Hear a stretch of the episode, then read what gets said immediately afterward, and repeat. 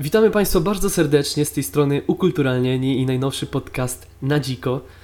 Yy, Mam nadzieję, że dzisiejsza rozmowa pójdzie w stronę bardziej artystyczną, Michałku, bo ostatnio bardziej jednak dotykaliśmy tematów związanych trochę z socjologią, ze społeczeństwem, a mniej było kultury jako takiej, kultury wysokiej, literatury, filmu, więc yy, mam nadzieję, że to dzisiaj nadrobimy, zwłaszcza, że chciałbym o pewnych rzeczach opowiedzieć.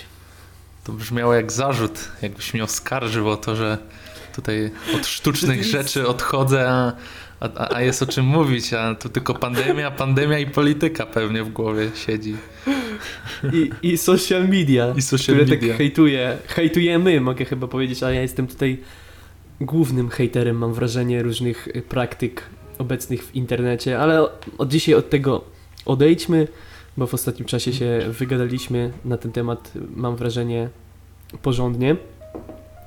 Yy, No to pierwsza rzecz może, jaką ja zaproponuję, to znalazłem na pewno znaną Ci instytucję mm, filmów, wytwórni filmów y, dokumentalnych i fabula, fabularnych.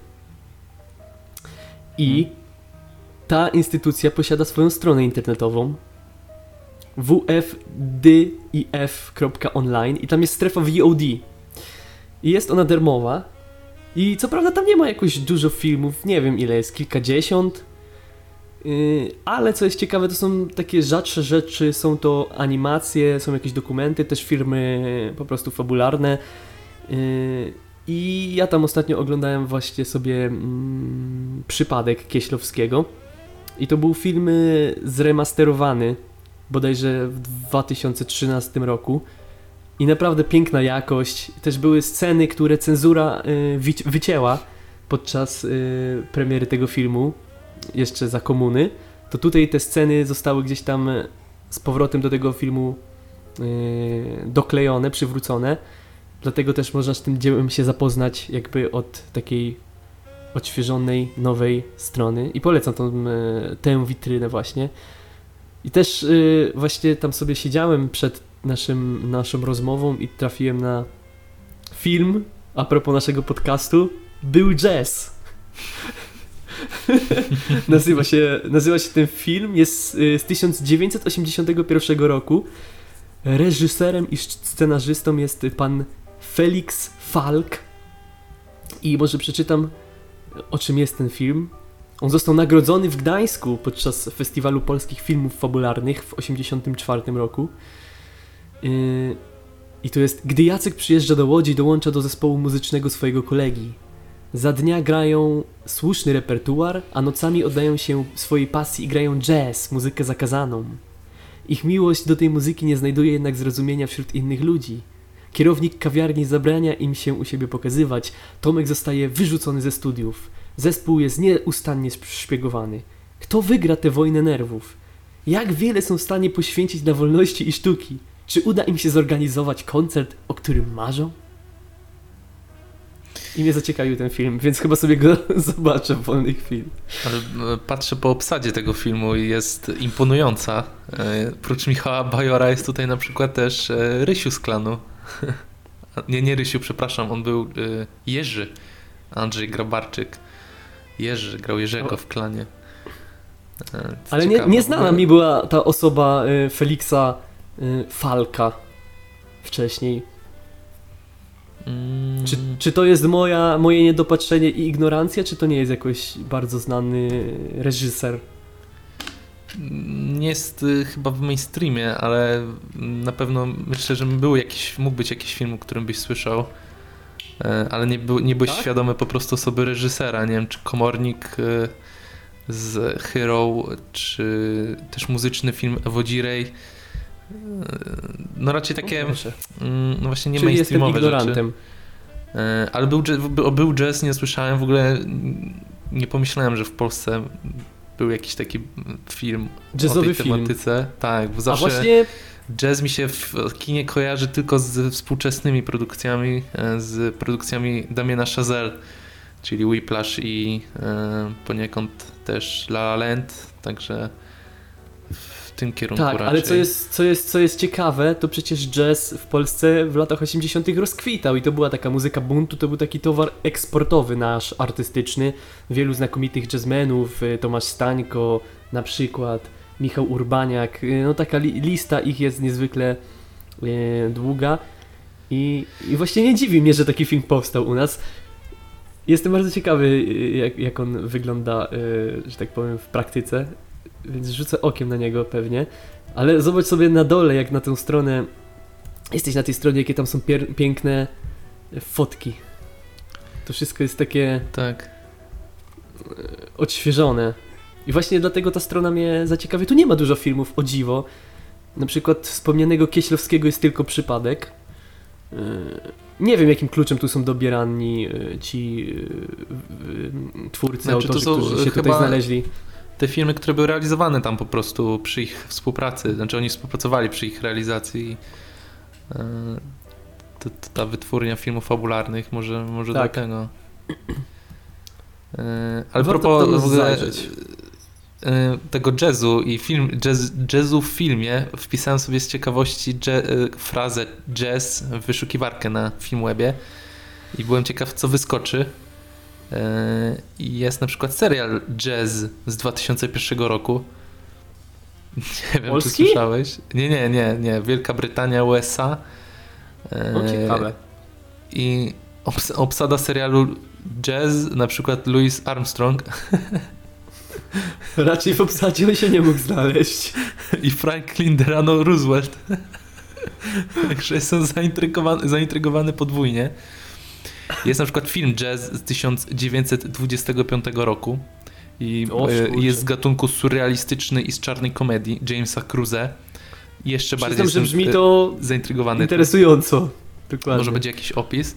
No i jest na przykład y, cały ten zgiełk, film z 1979, przetłumaczony po polsku właśnie cały ten zgiełk, a po angielsku All That Jazz, więc nie wiem, tak jakby jazz... y, W ogóle jaka jest y, etymologia? Geneza? Tak? O Jezus, Geneza słowa jazz, z czego się wywodzi, to byłoby to jest ciekawe. Ale Nie, nie ma ten myśl- film opisu, ten surrealistyczny, więc trzeba będzie go znaleźć gdzieś legalnie i Myślę, że to jest obejrzeć.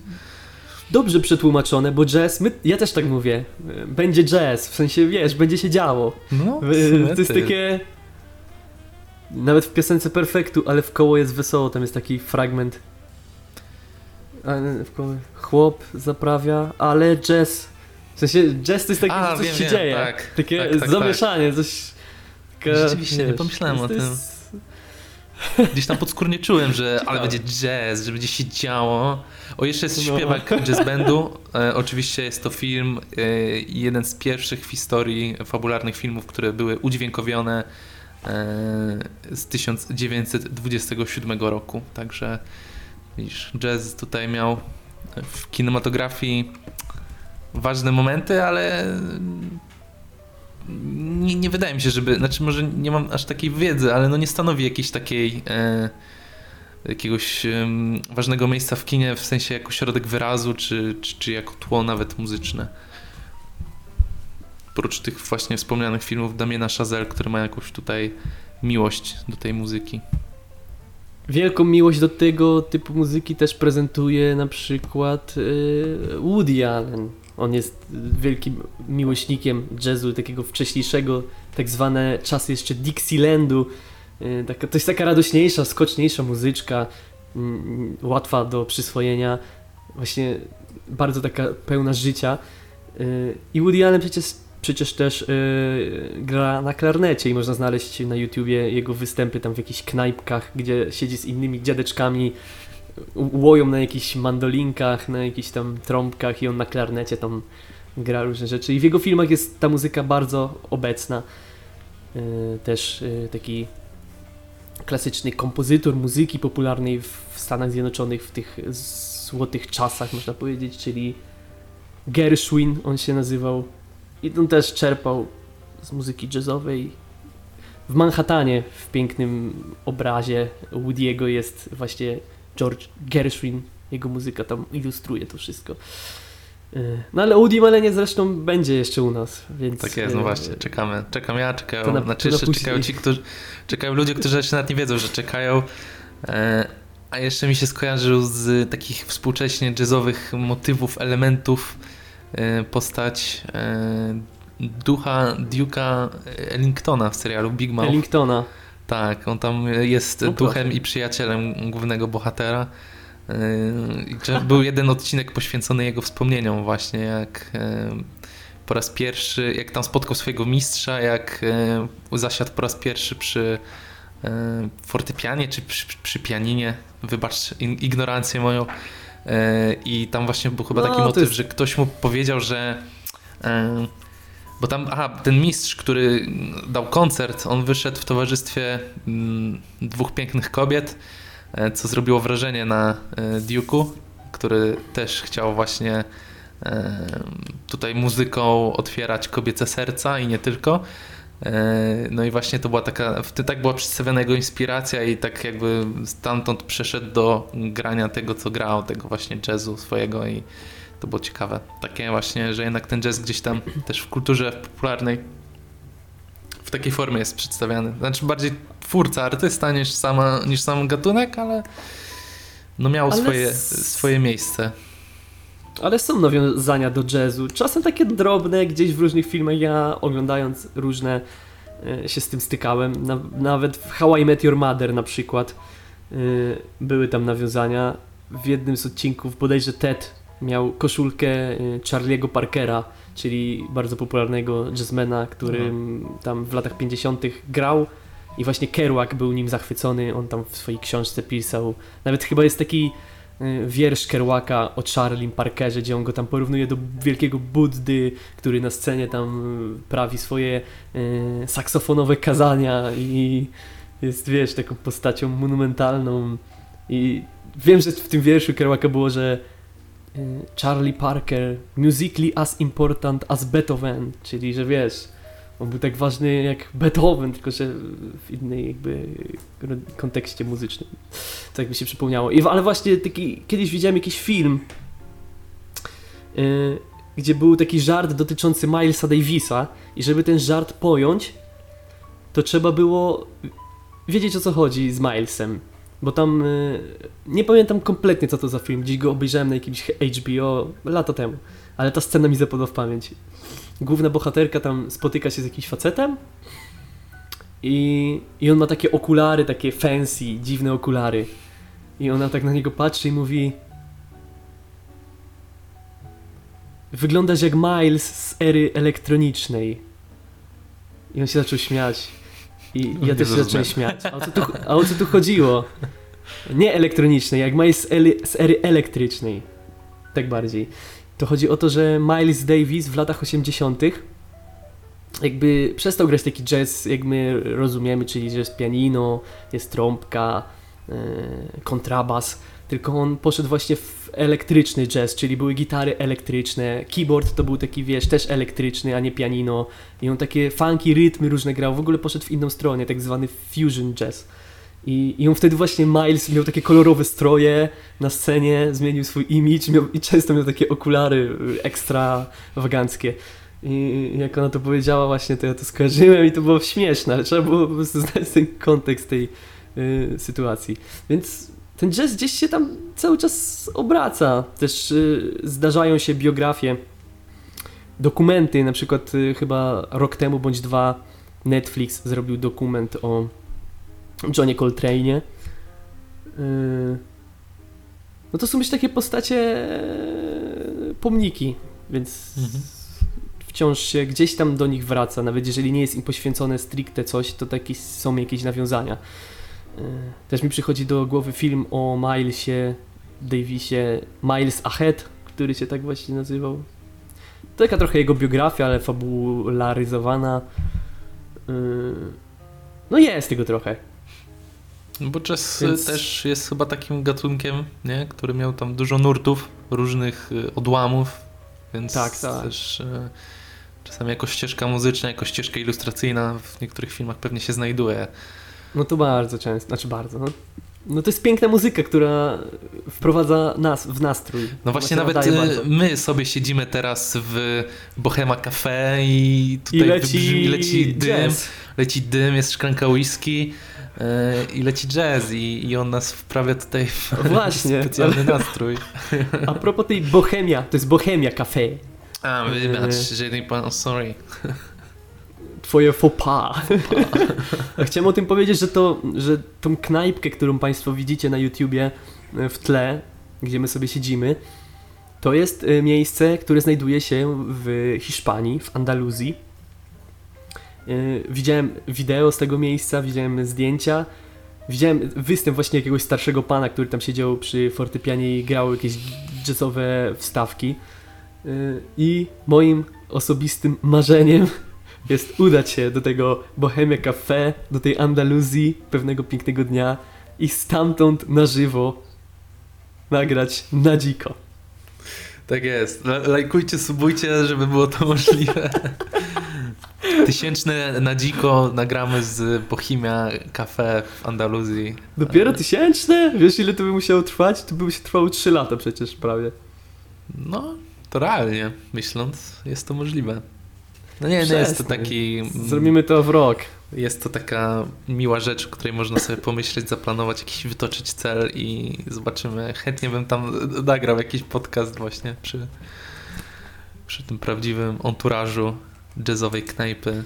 Bo właśnie to jest też ciekawe, jak, y, bo ja nigdy w Polsce nie byłem w takiej knajpie z prawdziwego zdarzenia, w której byłby grany jazz, chyba, że to w ramach jakiegoś recitalu albo koncertu, że jeszcze musisz za to zapłacić, ale wiesz, żeby tak wejść z ulicy, z marszu i odwiesić kapelusz na wieszak i po prostu no, kontemplować miejsce, konsumować, a nie tylko tutaj wszystko w ramach jakby wystawy i performance'u, ale żeby ktoś właśnie tak z, czy z tej miłości do muzyki, żeby knajpa mu zapłaciła, a nie klient i żeby grało, a ty byś mógł siedzieć i rozmawiać. I też inaczej jest jak y, płacisz właśnie za występ, bo wtedy jednak skupiasz się na tym performance'ie e, i nie wiem, nie porozmawiasz sobie, no bo jednak nie chcesz zakłócać e, występu i a właśnie, żeby to tak w tle sobie plumkał ktoś na, na jazz, zrobił, a, a my byśmy robili jazz przy stoliku. Mm, Nie znam takich, nie, nie znam takich miejsc.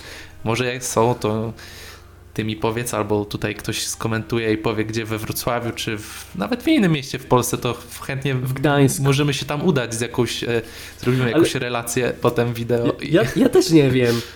Ja nigdy nie byłem w takiej sytuacji, jaką ty opisujesz. Ona mi się wydaje bardzo e, piękna, ale nie wiem, bo we Wrocławiu e, jest ten słynny klub, gdzie się gra jazz, ale to właśnie koncertowo bardziej. Tam się idzie na koncert i to jest, e, jak on się nazywa? Jazz Club chyba? Jazz Club po prostu? Nie, on to Kojarzy? ma jakąś konkretniejszą nazwę, czekaj, sobie Aha. to wpiszę, żeby... No, no nawet ładnie wygląda, on, tak, on jest tak po amerykańsku wystylizowany, że, że wiesz, masz wrażenie, że jak tam wejdziesz, A, to Vertigo! Będzie... A, To no tak, tak, tak, tak. E, Klub jazzowy i restauracja we Wrocławiu. Jeden z większych klubów tego typu w Europie, proszę ciebie. Ty, to może jest tam tak, jak ja mówię, tylko po prostu trzeba tam, e, no teraz nie wejdziemy, bo z siłą rzeczy, z wiadomych względów, ale że może, że, jest tak właśnie jazzowo. Opinie ma fenomenalne i to bardzo dużo. 2400 opinii, nawet nie wiedziałem. No, więc ja nie byłem w takim też miejscu, gdzie sobie jazzik by tak ograł. Są, są jakieś jam session, ale to też jest coś innego, tam każdy może się dołączyć. Albo jedyne miejsce jeszcze we Wrocławiu, gdzie jazz sobie leciał, to jest... y, ale to nie na żywo, tylko puszczony z płyt winylowych, czyli ta słodka, przyjemna bardzo kawiarenka winyl. Mhm. Ale to i tak robi swój klimacik, przyznam. Nie, no to tak, e, no już wiesz, nie będę ten się czepiał, żeby tu prawdziwi ludzie grali, no bo to już jest jednak e, wyższa szkoła jazdy, ale że nawet na winylu, znaczy właśnie na płycie sobie ciumkało, no to byłoby, byłoby fajnie. To nawet tam na pierwszy raz możemy pójść nagrać. ale no miejmy nadzieję, że w lepszych czasach będzie to możliwe. W ogóle a propos tego winylu czy winyla, to mm, to jest taka kwestia koincydencji. Myślę, że płynnie dzięki tej wypowiedzi przejdziemy do filmu, który chciałbym z Tobą omówić. Y, Przypadek, jeżeli jesteś za, bo mam garść różnych rozkmin na ten temat i chciałbym je tutaj poruszyć. Ale najpierw opowiem o tym winylu i płynnie przejdę do tego przypadku. Y, Proszę tutaj e, nadstawić Będzie- uszu. Przypadek planowany, przypadek. Bo właśnie w tym winylu, wyobraź sobie, że ja tam kiedyś, to było parę lat temu, wszedłem tam z kolegą i jego ówczesną koleżanką, która teraz jest jego dziewczyną. I po prostu tam sobie weszliśmy na chwilę, żeby zobaczyć, czy są miejsca, ale nie było miejsc. Ale weszliśmy i tam leciała płyta jedna winylowa i to był utwór yy, akurat w tym momencie Herbiego Hancocka, czyli słynnego pianisty jazzowego. Yy, i to był utwór Kameleon. I, I co jest ciekawe, dlaczego to mówię, że ja wcześniej przez bite dwa tygodnie, mniej więcej, grałem sobie na gitarze, odkryłem ten utwór i improwizowałem do tego utworu. Bo jest tam dużo przestrzeni, żeby sobie do, do niego grać. No i grałem na gitarze, byłem w ten utwór wkręcony w strasznie i po prostu go ciągle słuchałem na okrągło. I to jest znamienne, że właśnie wtedy weszliśmy do tego winyla. I akurat ten utwór leciał z tej płyty winylowej. Mogło lecieć 1500 innych utworów.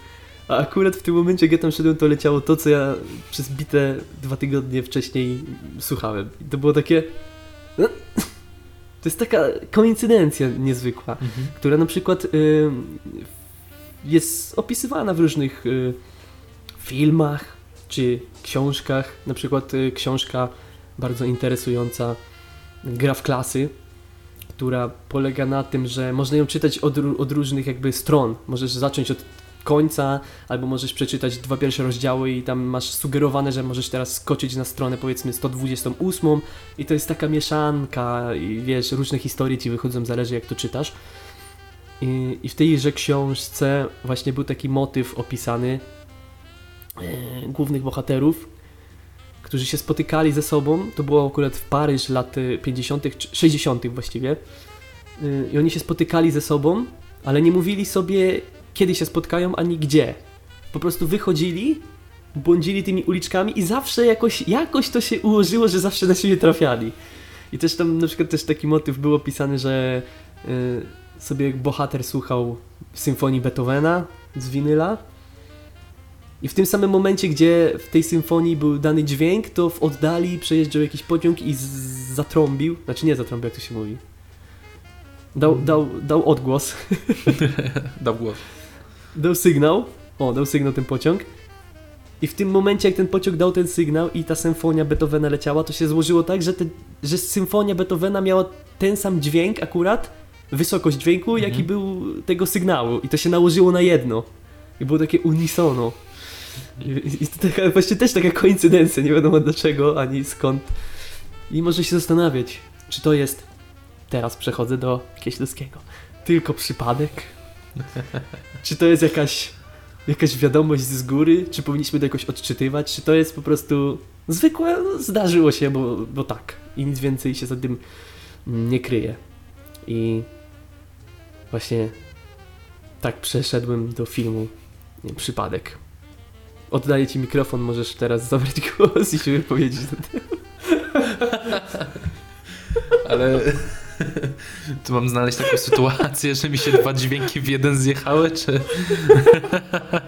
No nie, obejrzałeś przecież Przypadek, więc możesz się wypowiedzieć. No ale to nie... Nie jestem na świeżo, ale nie wiem od której strony na razie mam zacząć gryźć ten przypadek. Po prostu jak ty odczuwasz przypadek? Czy przypadek to dla ciebie jest przypadek, czy ty traktujesz pewne zdarzenia, które na siebie nachodzą, jako coś, co miało się zdarzyć, czy tak musiało być? Nie wiem. Powiedziałbym, że to dużo zależy, bo znaczy mieliśmy jedną z rozmów, chyba nawet w pierwszym podcaście mówiliśmy o przeznaczeniu, że wszystko ma, tutaj jest zapisane w gwiazdach, nic się nie dzieje bez powodu. Jakby nie przyciąga, nie przykładam do tego jakiejś metafizycznej wagi. Musiałbym, szukam jakiegoś takiego przykładu w moim życiu, gdzie przypadek e, znaczył coś więcej, coś mógłby mi wskazać na to, że jednak nie był to przypadek, tylko tu zadziałała jakaś magia, jakiś cud, ale nie przychodzi mi do głowy. A to, to nie musi być też na takim jakby wysokim poziomie, że tu jakieś sensy nam się ukryte ujawniają i to zmienia bieg naszego życia, ale na przykład y, to mogą być właśnie takie małe koincydencje, jakie ja, o jakich ja wspominałem. To nie zmieniło mojego życia w żaden znaczący sposób, ale to było zastanawiające co najmniej. Dlaczego akurat to się wydarzyło? Miałem, ma, miewam coś takiego, że e, czasami właśnie obejrzę jakiś film, albo tak jak ty, posłucham jakiejś muzyki i później słyszę ją, czy widzę ten film gdzieś e, w zupełnie innych sytuacjach, zaraz po tym, jak e, to obejrzałem, czy Tak. słuchałem. I to mnie zawsze właśnie tak, Tak. dotyka, nie? że o kurde, czy to pojawiło się tu w tym miejscu dlatego, że ja to chwilę wcześniej już e, się z tym jakby zmierzyłem, że to jest jakieś powtórzenie czegoś, czy jakiś znak, właśnie, że ktoś mi daje jakiś sygnał, że nie wiem, potrzebuje pomocy, czy coś. Nie wiem.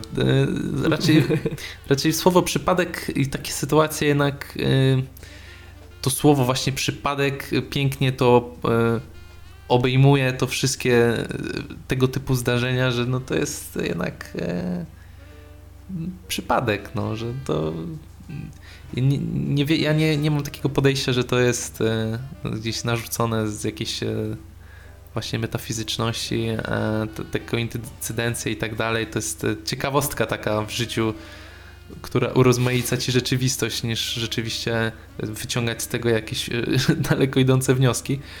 E, Chociaż film właśnie Kieślowskiego to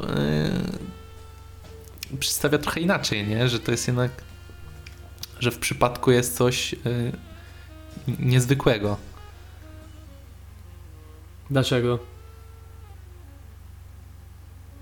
Znaczy w przypadku w, w jakby w losach tego bohatera, nie, że już no mówię, to nie do końca to nie pamiętam już tego za dobrze, ale jakby to, co jest zwykłe i to, co jest codzienne, może być też e, niezwykłe, prawdaż? No, to jak e, jednak to, jak ty, jaki jest afekt tego, jak ty to później odczuwasz, to jest w tym myślę takie najbardziej e, nurtujące. Ale no szukam przykładu jakiegoś, no musiałbym mieć jakiś punkt zaczepienia. Mm, No właśnie, ja, ja się wielokrotnie spotkałem z takimi małymi koincydencjami, które na pewnym etapie już przestałem traktować jako koincydencje, po prostu jako część rzeczywistości, można powiedzieć. Na przykład, ciągle mówię na przykład, ale, ale to będzie przykład.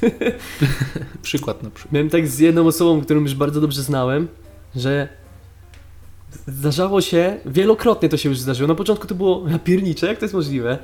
A później to już było, aha, znowu się zdarzyło. Ale o czym mówię? To było tak, że my generalnie słuchaliśmy podobnej muzyki i mieliśmy podobne poczucie humoru, podobny gust. Do, jakby to takie było takie...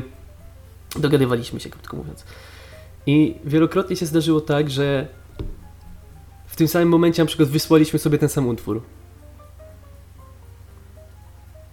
Albo, co też jest śmieszne, ja raz grałem sobie na gitarze i nagrałem kawałek w filmiku, jak śpiewam konkretny utwór i wysłałem i w tej samej sekundzie, co ja ten utwór wysyłałem, to ta osoba napisała tekst tego utworu, tak rzuciła go. W tym samym momencie, po prostu było takie... I to już był któryś raz taka sytuacja, tego typu sytuacje.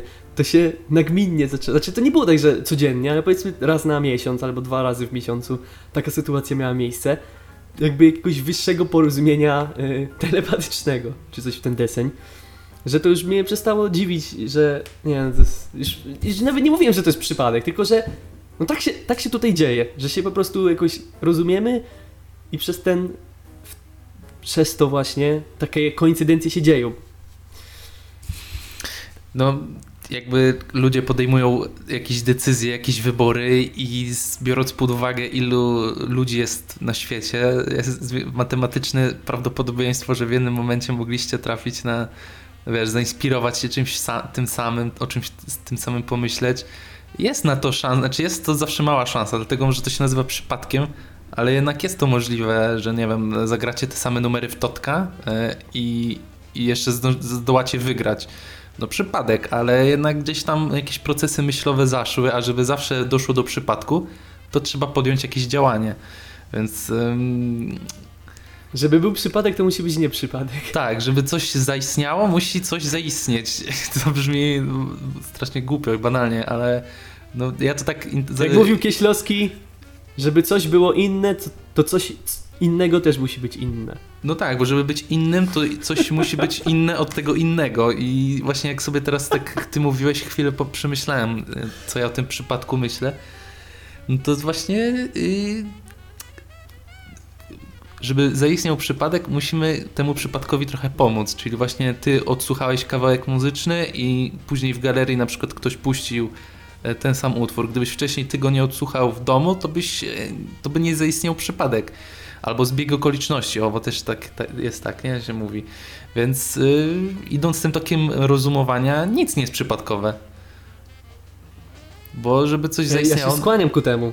No, także... Hmm. Nawet nie chodzi mi o to, że wszystko ma wyższy sens, że to są znaki od Boga Wszechświata i tak dalej. Nie mówię tak. Ja się tylko skłaniam ku temu, że nie ma przypadków, w sensie, że wszystko jest następstwem czegoś. My nawet nie znamy różnych powodów tych następstw, bo mogą być y, właśnie y, jakieś, no, tam nieznane, bo widzimy wycinek rzeczywistości. Ale że to po prostu miało się tak stać, bo to jest po prostu jak, y, wiesz, lawina. Tutaj... Jak domino. Jeden klocek popchnął następny i doprowadziło do tego w końcu gdzieś tam w pewnym momencie, jakiejś sytuacji. To jest chyba ten, mówi się, to, to Tezeusz chyba pisał, że właśnie jakby, no czy jakiś inny, jakaś inna filozofia, inny filozoficzny nurt, że um, ty możesz być deszczem albo znaczy deszcz pada deszczem, albo ty będziesz padał deszczem, coś takiego było, że jakby i przypadek i y, jest przypadkiem i nie jest przypadkiem jednocześnie właśnie, że zaistniało jakieś e, multum różnych czynników zdecydowały na przykład o tym, że my się spotkaliśmy tutaj na tych, e, w tym mieście, w tym e, konkretnym czasie i tak dalej. Ale jednak właśnie, tak jak powiem wcześniej, no nasze decyzje podejmowane sprawiły, że i ty się zdecydowałeś na przykład na ten kierunek i ja w podobnym czasie i dlatego się spotkaliśmy, więc czy to był przypadek, czy właśnie kwestia tylko i wyłącznie tych podejmowanych decyzji, które nie były przypadkowe. Znaczy ja lubię tak myśleć, że przynajmniej wybierając studia kierowałem się nie losem, a przemyślaną decyzją. E, więc trudno mi to zdefiniować teraz taki czysty przypadek, który byłby, spod, no nie wiem, mm, bo na przykład jeżeli przewrócę się na, y, idąc na chodniku i przewracając się zauważę w krzakach walizkę z milionem złotych, no to będzie przypadek, czy to będzie wina mojej y, niezdarności, że się przewróciłem? A może ty się miałeś przewrócić, dlatego to zobaczyłeś, bo a może, ktoś mnie, a może ktoś mnie popchnął, znaczy jakaś, jakaś duchowa siła mnie popchnęła i dlatego miałem zobaczyć tą walizkę, bo gdyby mnie nie popchnęła, to by mnie nie zauważył, więc... Ale można nawet tak dywagować do, do końca świata, no. Filozofii jest cała potężna gałąź dotycząca problemu wolnej woli, determinizmu właśnie, czy to wszystko jest zdeterminowane, czy my mamy ten wybór, czy go nie mamy i tak dalej. To jest po prostu dysputy na ten temat się toczą od y, wieków. I no bo wiadomo, nawet tak proste pytanie, jeżeli Bóg wszystko wie, to jaka tu jest wolność woli, o której jest mowa? Prawda? Bo jeżeli Bóg wszystko wie i On ma to zaplanowane, to jaki jest mój wybór w tym i tak dalej, no to można na milion sposobów się zastanawiać i są i się filozofowie nad tym zastanawiają. Mm, mi się wydaje, że to jest właśnie takie często sfera intuicji, poczucia pewnego, pewnej metafizyki. Mi ona jest bardzo bliska, dlatego tak na przykład uwielbiam filmy Kieślowskiego, gdzie on tam e, jakby odsłania, on zagląda za tę kurtynę rzeczywistości, bo my widzimy tylko to, co jest tutaj, a on się stara tymi filmami pokazać, że jest coś więcej, o czym my nie wiemy. On też nie odpowiada na to, ale on po prostu tą sferę pokazuje, zadaje jakieś pytania i skłania do refleksji. I właśnie oglądając przypadek, ten, główny bohater grany przez Bogusława Lindę to był Witek, Witek Długosz. I tak. co, mnie, co mnie uderzyło w tym filmie, y, to nie to te kwestie przypadku jako takiego, ale właśnie bardziej kwestia takiej krytyki, którą Kieślowski świadomie bądź nie popełnił na temat pewnych ludzi, bądź może to nawet i społeczeństwa, o co mi chodzi. O to mianowicie, że zależnie od tego, czy ten y, Witek albo wskoczył na ten pociąg i pojechał, albo go tam sukista złapał, albo on nie został złapany, ale spotkał się ze swoją tam koleżanką, to jego życie potoczyło się w zupełnie innym kierunku. I, I to mnie uderzyło, że on raz potrafił jakby oddać się Bogu i uwierzyć, a jeżeli jego, ży a jak jego życie potoczyło się inaczej przez ten przypadek, to on odrzucał Boga. Raz był y, oportunistą, y, znaczy raz był konformistą, raz, raz nonkonformistą i tak dalej. Jakby jego życie o 180 stopni było inne jego wybory moralne, jakoś światopoglądowe było diametralnie inne. Y, od tego, zależnie od tych okoliczności właśnie życiowych, do których doprowadził ten, y, powiedzmy, przypadek. I ja się zastanawiałem, czy Kieślowski tu chce w ten sposób powiedzieć, że człowiek jest jak chorągiewka na wietrze, że wiesz, jeżeli ty jesteś tutaj, to będziesz wierzył w to, a jeżeli będziesz tam, to nie będziesz wierzył w nic na przykład. Czy on krytykował właśnie takich ludzi, którzy nie mają kręgosłupa moralnego, nie mają jakiejś idei, e, jakichś poglądów, wartości jakichś nie wyznają i są właśnie bardzo potrafią ulec różnym rzeczom. I właśnie ten Witek ulega tam wszystkiemu w tych... Gdzie się nie znajdzie, to po prostu ulega. On nie ma jakby w ogóle kręgosłupa, ja zauważyłem, to mnie bardzo uderzyło. Że on nie potrafi trzymać się swojego światopoglądu, bo on tam ma... No, te dylematy są w każdej wersji, czy on wskoczy na ten pociąg, czy nie wskoczy na ten pociąg. To jego życie właśnie w każdej sferze jest inne. I miałem ten, na ten temat e, taką mm, e, dywagację i refleksję. Mm. Chyba też można politycznie odczytywać właśnie ten film jako przepracowanie jakichś traum. Ale Tak e, jak z tego, co teraz mówisz, e, takie zwrócenie uwagi, jak życie mogłoby wyglądać, e, właśnie jak mogłoby się potoczyć życie, gdyby nie e, to, co jakoś tą rzeczywistość determinuje, właśnie chociażby przez pryzmat ówczesnej e, no jakiejś tam powiedzmy władzy, tak jak dzisiaj też możemy o tym e, mówić, jakby nasze życie wyglądało, e, jakie inne egzystencjalne kwestie byśmy rozmyślali, e, dokonując innych wyborów. Mm, I to pierwsze, ty, mówiłeś o tych dwóch rzeczach, że jest albo mm, albo jest konformistyczny, tak? Jak, jak, to, Tak. jak ty to mówiłeś? Ja myślę, że to się nie wyklucza, e, że to mogło być mm, bardzo połączone, że ludzie są takimi chorągiewkami i na przykład e, teraz ktoś powie, że jest e, ateistą, że nie wierzy w Boga, a, a zbliży się do wieku starczego i zacznie szukać jakiejś e, drogi, która gdzieś tam To jest ponoć bardzo popularna y, jakby sytuacja, w sensie, że to Tak. się często dzieje. że, że ułatwi mu e, powiedzmy kończenie swojej ścieżki, e, no bo religia jest pełni też taką właśnie funkcję, no i można to odebrać jako taką krytykę, że mm, dlaczego człowieku teraz dopiero mm, tutaj się decydujesz na coś takiego, bo jak, no to w ogóle lubię to powiedzenie, że jak trwoga to do Boga, bo tu nie trzeba być wierzącym, żeby e, to powiedzenie było, e, miało wciąż znaczenie i było, e, opisywało jakby szereg takich sytuacji. Ktoś mi kiedyś powiedział właśnie, bo mi się to tak skojarzyło, jak mm, ktoś mnie zapytał, czy chodzę do kościoła, a powiedziałem, że, że już nie chodzę, to że no, zobaczysz na starość. Ja mówię, no, wtedy jeszcze, tak pamiętam, nie rozumiałem, no, dlaczego na starość miałbym zacząć chodzić do kościoła, bo wszyscy starzy to robią, to te, ja też będę musiał, żeby być modny, żeby nie wypaść z obiegu, czy o co chodzi. Teraz rozumiem, o co chodziło, ale, ale no właśnie. Jeszcze właśnie a propos tej polityczności, o której wspominałeś, no ten, ten film jest oczywiście polityczny, osadzony w tych realiach i tam e, no ta polityka jest wszędzie, począwszy od władz, uczelni, tam ten główny rektor jest y, jakby, no tam każdy odpowiada za coś politycznie, to jest trochę jak w powieściach u Kundery, y, czyli czeskiego y, mistrza pióra, gdzie tam on idealnie opisywał czasy komunistyczne i tam wielu bohaterów było uwikłanych, musiało się z tym, z pewnymi decyzjami i swoim podejściem yy, jakby mierzyć się z konsekwencjami. Na przykład y, czytałem jego książkę Żart i tam główny bohater należy do partii i jest, chce być przykłady, przykładny i niezwykle się tej partii oddawać, ale jakby coś w nim się buntuje i to jakby wychodzi samo z siebie, mimo jego niechęci, mimo jego własnej niechęci do tego buntu. I Mhm. on nad tym wiele traci, musi tam iść do wojska i tak dalej. Nieważne, bo to e, nie będę streszczał tej książki. Też tak samo jest w nieznos nieznośnej lekkości bytu, więc chyba e, najbardziej znanej i cenionej książce Kundery gdzie tam bohater też jest lekarzem właśnie y, i no musi się z szeregiem rzeczy konfrontować, czy temu pomoże, czy nie, czy podpisze tu jakąś lojalkę, czy nie, musi wyjechać z kraju, bo coś tam zrobił i tak dalej.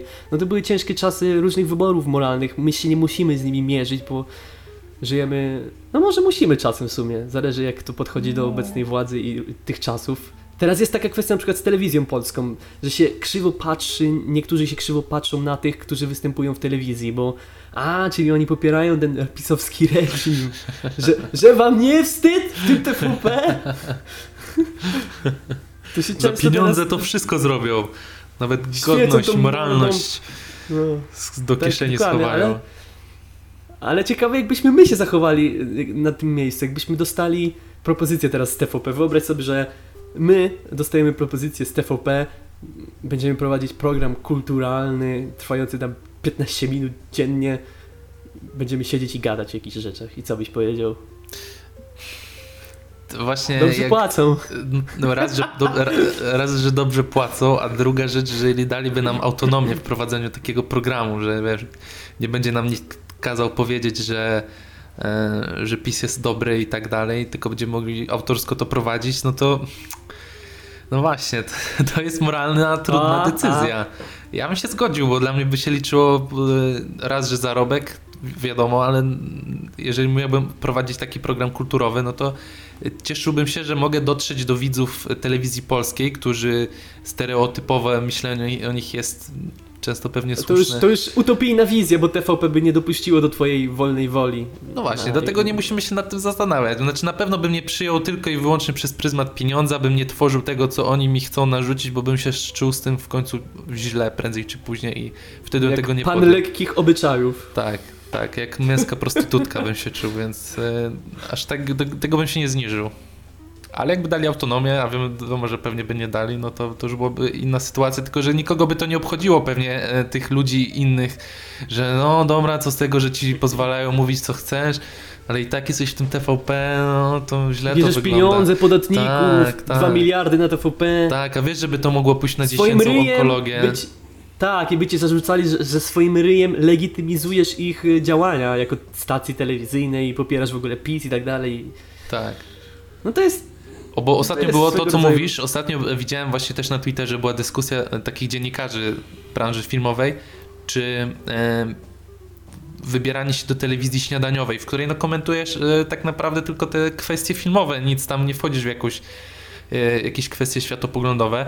E, Czy to wypada? No i tam wiesz, niektórzy, że no tak, no bo ty idziesz tylko tam film skomentować, to, to wiesz, nie jest nic złego, a z drugiej strony, że jednak e, w jakiś sposób pomagasz tworzyć jakościowe treści tej e, tubie propagandowej, więc znowu wszystko zależy od jakiejś twojej perspektywy i, i tego, jak postrzegasz No tak. takie rzeczy, więc e, też ja bym nie osądzał kogoś, kto idzie tylko do telewizji śniadaniowej usiąść i się wypowiedzieć. Osądzałbym raczej no, tych y, ludzi, którzy się nazywają mm, dziennikarzami, e, politycznymi. politycznymi Publicystami i tak dalej. publicystami. Ale zostawmy tą politykę, bo znowu wjechała. Tym Ona razem nie z mojej wpycha- winy. Tym razem nie z Jak drzwi przed nią zamkniemy, to ona oknem nam wchodzi, proszę Państwa. Albo kominem. Ale jeszcze kończąc już te, ten wątek y, przypadku, y, to tam właśnie polityka, jeżeli o to chodzi, to na przykład tam są trzy alternatywne sytuacje, jakby drogi życia tego Witka. I właśnie w jednej sytuacji on jest y, w partii, w drugiej sytuacji on jest w podziemiu i tam walczy z komuną, a w trzeciej sytuacji on jest neutralny, nie podpisuje ani lojal, lojalki tak zwanej, czyli nie chce tam służyć i donosić, ani też nie, nie podpisuje listu popierającego tam y, jakiś protest. Mm, Więc są trzy drogi i on jest w każdej, są pokazane że właśnie różne jego wybory moralne. Y, Ale jeszcze taki wątek metafizyczny mi się wydaje, który ten film pokazuje. To jest ten samolot. Bo te trzy drogi też prowadzą go na lotnisko. I on tylko w jednym wypadku tym samolotem leci. Nie powiem co się dzieje, gdzie Tak, leci, nie ani dlaczego. Bo, bo to nie będę spoilerował. Staram się tutaj unikać jakichś spoilerów, powiedziałem tak wszystko ogólnie. Ale właśnie to jest pokazane, że on dwa razy uniknął tego lotu, a raz poleciał. I to jest jakby... Zastanawiam się, co Kieślowski chciał przez to powiedzieć. Pewnie on by powiedział, że Że chciał nic. powiedzieć to, co... Nie, chciał powiedzieć to, co jest powiedziane. I nic więcej.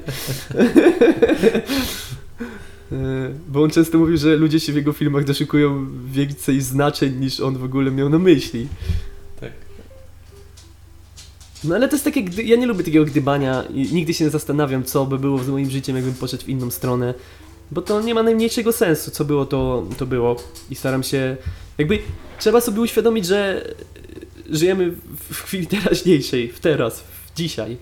I że tylko teraz możemy coś zmienić i nie ma sensu rozpamiętywać tego, co było wczoraj i pięć dni temu. Więc to jest moje podejście takie życiowe. Mm, Więc polecam serdecznie Przypadek. Fantastyczny film. Boguś Linda młody.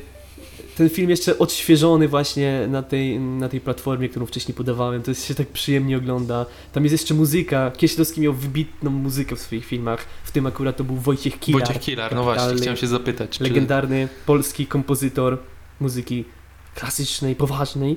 Yy, No a w innych filmach y, oczywiście współpracował z nim y, Zbigniew Preissner, którego ja też uwielbiam, bo ta muzyka jest fan- fantastyczna. W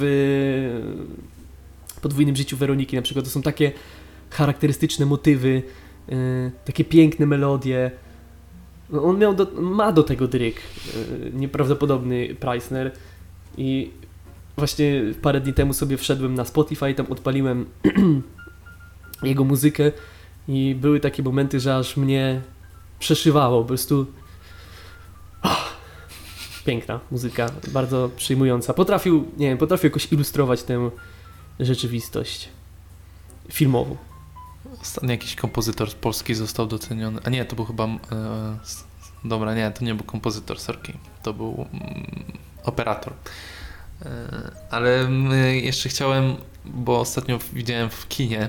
Uwaga, w kinie byłem na filmie Palm Springs, w którym jest taki motyw, że dwójka bohaterów e, przeżywa jeden dzień e, na now- ten sam dzień na nowo. Oczywiście taka mm, tutaj nawiązanie do Dnia Świstaka, ale to jest właśnie to, co jest mnie też e, w kinie, w takie motywy rajcują, że możesz, bo w życiu nie mamy takiej możliwości, żeby zobaczyć, co będzie i później ewentualnie cofnąć czas albo właśnie móc te błędy naprawić, e, popełnić, dokonać właśnie innych decyzji. I, i bardzo mi się podobało, że ten film, też nie będę go spoilerował, ale podobało mi się e, prze, czy przesłanie, taka główna myśl, że e, żeby odmienić tą sytuację, żeby tego dnia już nie przeżywać, nie, nie ma tego wyświechtanego motywu, że musisz właśnie dokonać jakiejś refleksji swojego życia, że musisz prze, przepracować jakąś traumę, czy musisz e, wewnętrznie coś zrozumieć, się zmienić albo przeprosić siostrę. Tylko tam e, ostateczne rozwiązanie jest bardziej mm, przyziemne i skupione wokół nauki i to mnie e, urzekło w tym filmie. Powiedz mi, jak się ten film kończy poza kamerą, poza mikrofonem, bo jestem ciekawy. E, Widziałem tylko trailer, To jest który jednak dużo tam jakby powiedział o, o konstrukcji tego filmu, o co tam chodzi i ci bohaterowie y, na nowo przeżywają ten sam dzień cały czas, ten, ten Tak. ślub. tak. I co jest najśmieszniejsze, to oni w, że, w żaden sposób się tam nie da wyjść i oni się tak nudzili, w tym trailerze tak widziałem, że już wymyślali sobie milion różnych y, tam y, sytuacji, które można zrobić, nie wiem, No. romans z kimś tam podczas tego ślubu, bo i tak, bo i tak na koniec dnia oni się obudzą znowu i znowu będą mieli ten sam dzień do przeżycia, więc mogli robić teoretycznie wszystko bez żadnych zahamowań w pewnym To momencie. było, tak, była taka, było kilka takich zabawnych sekwencji właśnie związanych z tym ich e, wiedzą, bo przeżywając ten dzień, no już wiedzieli po prostu wszystko, co kiedy się wydarzy i mogli tę wiedzę wykorzystywać bardzo kreatywnie, więc e, twórcy też kreatywnie to przedstawili. E, Ale e, właśnie jakby sam ten motyw przeżywania jednego dnia, bo podczas filmu miałem taką refleksję, jakby mnie taka sytuacja spotkała i pomyślałem, jakby to był dzień, jeżeli wpadłem w taką pętlę, na przykład dzisiaj, no dzisiaj to jeszcze jest ok, bo tam nie miałem jakby dużo zajęć, dużo pracy, ale jakby na przykład to był taki dzień zwykły, siedzę tutaj szary, smutny, można by zwariować, a tam w, w Palm Springs całe szczęście lub nieszczęście jest takie, że jest y, wesele, jest impreza, jest przepiękna pogoda, piękne miejsce do życia, także basen, wiesz, to szkoda, że jakby jestem ciekaw takiego filmu, gdyby ta codzienność była szara, bura i smutna. To ten film byłby nudny bardzo. No ten film byłby nudny, więc on pod tym względem jest taki, mm, ma taki wytrych tego, żeby jednak to było atrakcyjniejsze, ale z drugiej strony no porusza fajny temat i rzeczywiście według mnie fajnie się kończy, więc y, z obecnej sytuacji no to jest jeden z takich Oscarowych, y, no nie faworytów, ale jest to film, który może się o nominację do najlepszego filmu spokojnie ubiegać jest świeży, jest jeszcze w kinach, y, które, które są jeszcze otwarte, także tak no, również polecam.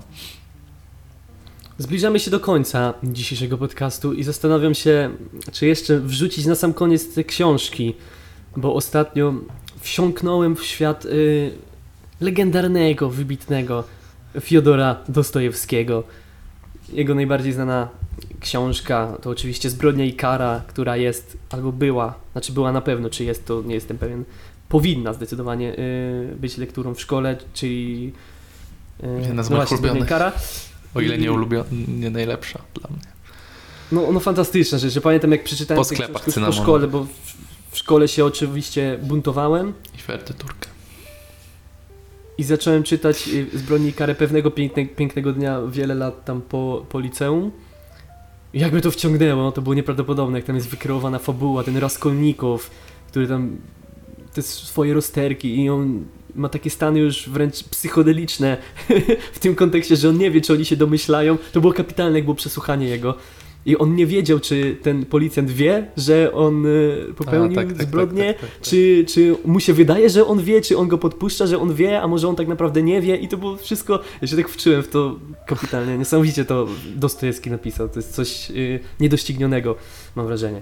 Y, no więc y, może rzucę już na koniec jeszcze, że teraz sobie czytam jego książki dwie, ja tak mam, moja przypadłość, że jak zacznę czytać, nie potrafię czytać jednej książki naraz, po prostu czytam zazwyczaj dwie albo i trzy, Mm, nie wiem, czy polecam taki styl, ale teraz sobie postanowiłem, że wsiąknę w uniwersum Dostojewskiego, zapoznam się z jakąś wyższą sztuką, z literaturą piękną, no bo zazwyczaj w ostatnim czasie to obcowałem z jakimiś tam rzeczami, powiedzmy, kręcącymi się wokół jakichś artykułów, czy tam Mhm. jakichś No ja tak biografii, żądło. wywiadów, coś takiego. Więc postanowiłem, że ja chcę coś artystycznego, poważnego przeczytać. I dorwałem się do książki Dostojewskiego Skrzywdzeni i poniżeni. Yy, A druga to jest yy, Wspomnienia z martwego domu.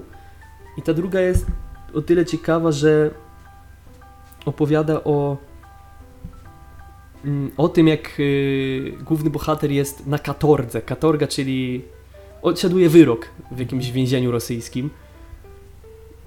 Yy, to się właśnie tak nazywa.